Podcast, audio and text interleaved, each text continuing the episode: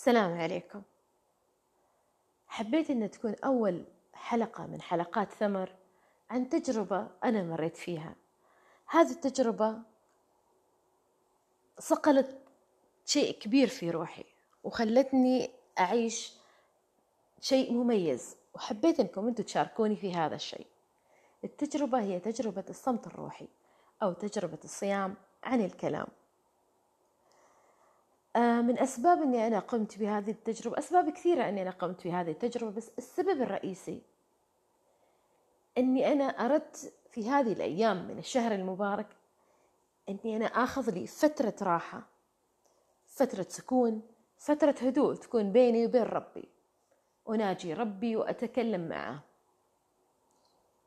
طبعا هذا السبب الرئيسي من ضمن أسباب أخرى أني أنا أردت أن أبتعد قليلا عن الضوضاء وأني أنا أغلق هاتفي وأبتعد عن التواصل الاجتماعي. آه، قبل ما أسوي هذا الشيء سبحان الله يعني قبلها بيومين ثلاثة أيام آه، كنت فاتحة بالصدفة يوتيوب آه، على قناة أحمد عمارة وكان يتكلم عن بالصدفة طلع لي هذا الموضوع وكان يتكلم عنه وعن آثاره وعن الأشياء اللي الواحد راح يستفيد منها. عموما أنا ما كنت حاطة في بالي الفكرة يعني نهائيا ما كنت حاطة في بالي الفكرة يعني. الفكرة جات إني أنا يوم الاثنين كنت أمشي آه، أمارس رياضتي اليومية وفجأة حسيت إني أنا مضغوطة كثير. حسيت إني أنا نفسيا تعبانة. قلت ليش ما أسوي تجربة الصمت الروحي؟ طبعا آه، يعني هذه تجربة ما سهلة جدا ما سهلة أبدا يعني ما سهلة. آه، مدة التجربة كانت ثلاثة أيام. الهدف الرئيسي لهذه التجربة كان أني أنا أتواصل يعني بشكل روحي مع نفسي أتواصل مع الله سبحانه وتعالى أنه أكون معتكفة بعيدة عن كل شيء كل أنواع كل أنواع التواصل. طبعا أنا ساكنة مع أهلي فأنا تناقشت مع أخي وزوجته لأن أنا ساكنة معاهم فشجعوني كثير على هذا الشيء. وخصوصا أني أنا هم لاحظوا يعني أني أنا هذه الفترة كثير كنت متوترة. آه الهدف كان إني أنا نفسيا أرتاح والحمد لله رب العالمين الحمد لله رب العالمين أنا مرتاحة جدا. يعني انتهيت من التجربة اليوم فكانت يعني أنا الحين أتكلم والتجربة لسه طازجة يعني. حبيت إنكم تشاركون معاي. تشاركوا إحساسي يعني. ما حبيت إني أنا أخلي إحساسي لبعدين على أساس إنكم تحسوا بال بالتجربة معي عموما بدأت كيف؟ بدأت إني أنا آه، من بعد صلاة الفجر يعني فجر يوم الاثنين من بعد صلاة الفجر أنا قطعت عن الكلام. آه، صليت الفجر. وبعد ذلك جلست أقرأ الأدعية والأذكار وبدأت في يعني كنت حاطة هدف أني أنا أخلص ختمة القرآن في هذه الثلاثة أيام. فبدأت في قراءة القرآن. الحمد لله كانت الأمور ميسرة بشكل يعني ربك يس ربك الله سبحانه وتعالى يسرها بشكل غريب جدا يعني. إنه أنا يعني ما حسيت بالغربة ما حسيت بالوحشة ما حسيت بشيء. كانت آه، الأهل كانوا الأهل كثير متعاونين معاي. اليوم الأول مر بسلام. بدأت أحس من بالروحاني. يعني اليوم الأول ما حسيت بشيء يعني ما كذب عليكم بس اليوم الأول ما كان في إحساس بأي شيء. آه، طبعا ما أتكلم نهائيا فمي ما أفتحه. حتى وأنا أقرأ أقرأ الكلام آه، مجرد أني أنا بس بدون صوت يعني أقرأ بدون صوت. فاليوم الأول ما كان في شيء يعني. عادي مر اليوم الأول بعادي بدون أي شيء بدون أي يعني ما كان الشيء اللي أنا كنت أتخيله أني أنا راح يصير لي يعني مثلا أن راح يصير شيء أو شيء. اليوم الثاني اللي هو يوم التغيير كان اليوم الثاني أنا من بعد صلاة الفجر بدأت أقرأ الآية. طبعا آه، في اليوم الأول كان كله قراءة قرآن وأذكار وورد ومناجاة لله سبحانه وتعالى. في اليوم الثاني بدأت نفس الفكرة لكن في اليوم الثاني بدأت أحس بكمية غريبة من المشاعر. يعني كانت مشاعر غريبة عجيبة يعني سبحان الله آه مشاعر مشاعر حزن على مشاعر فرح على مشاعر أصبحت أرى الأشياء بطريقة غريبة.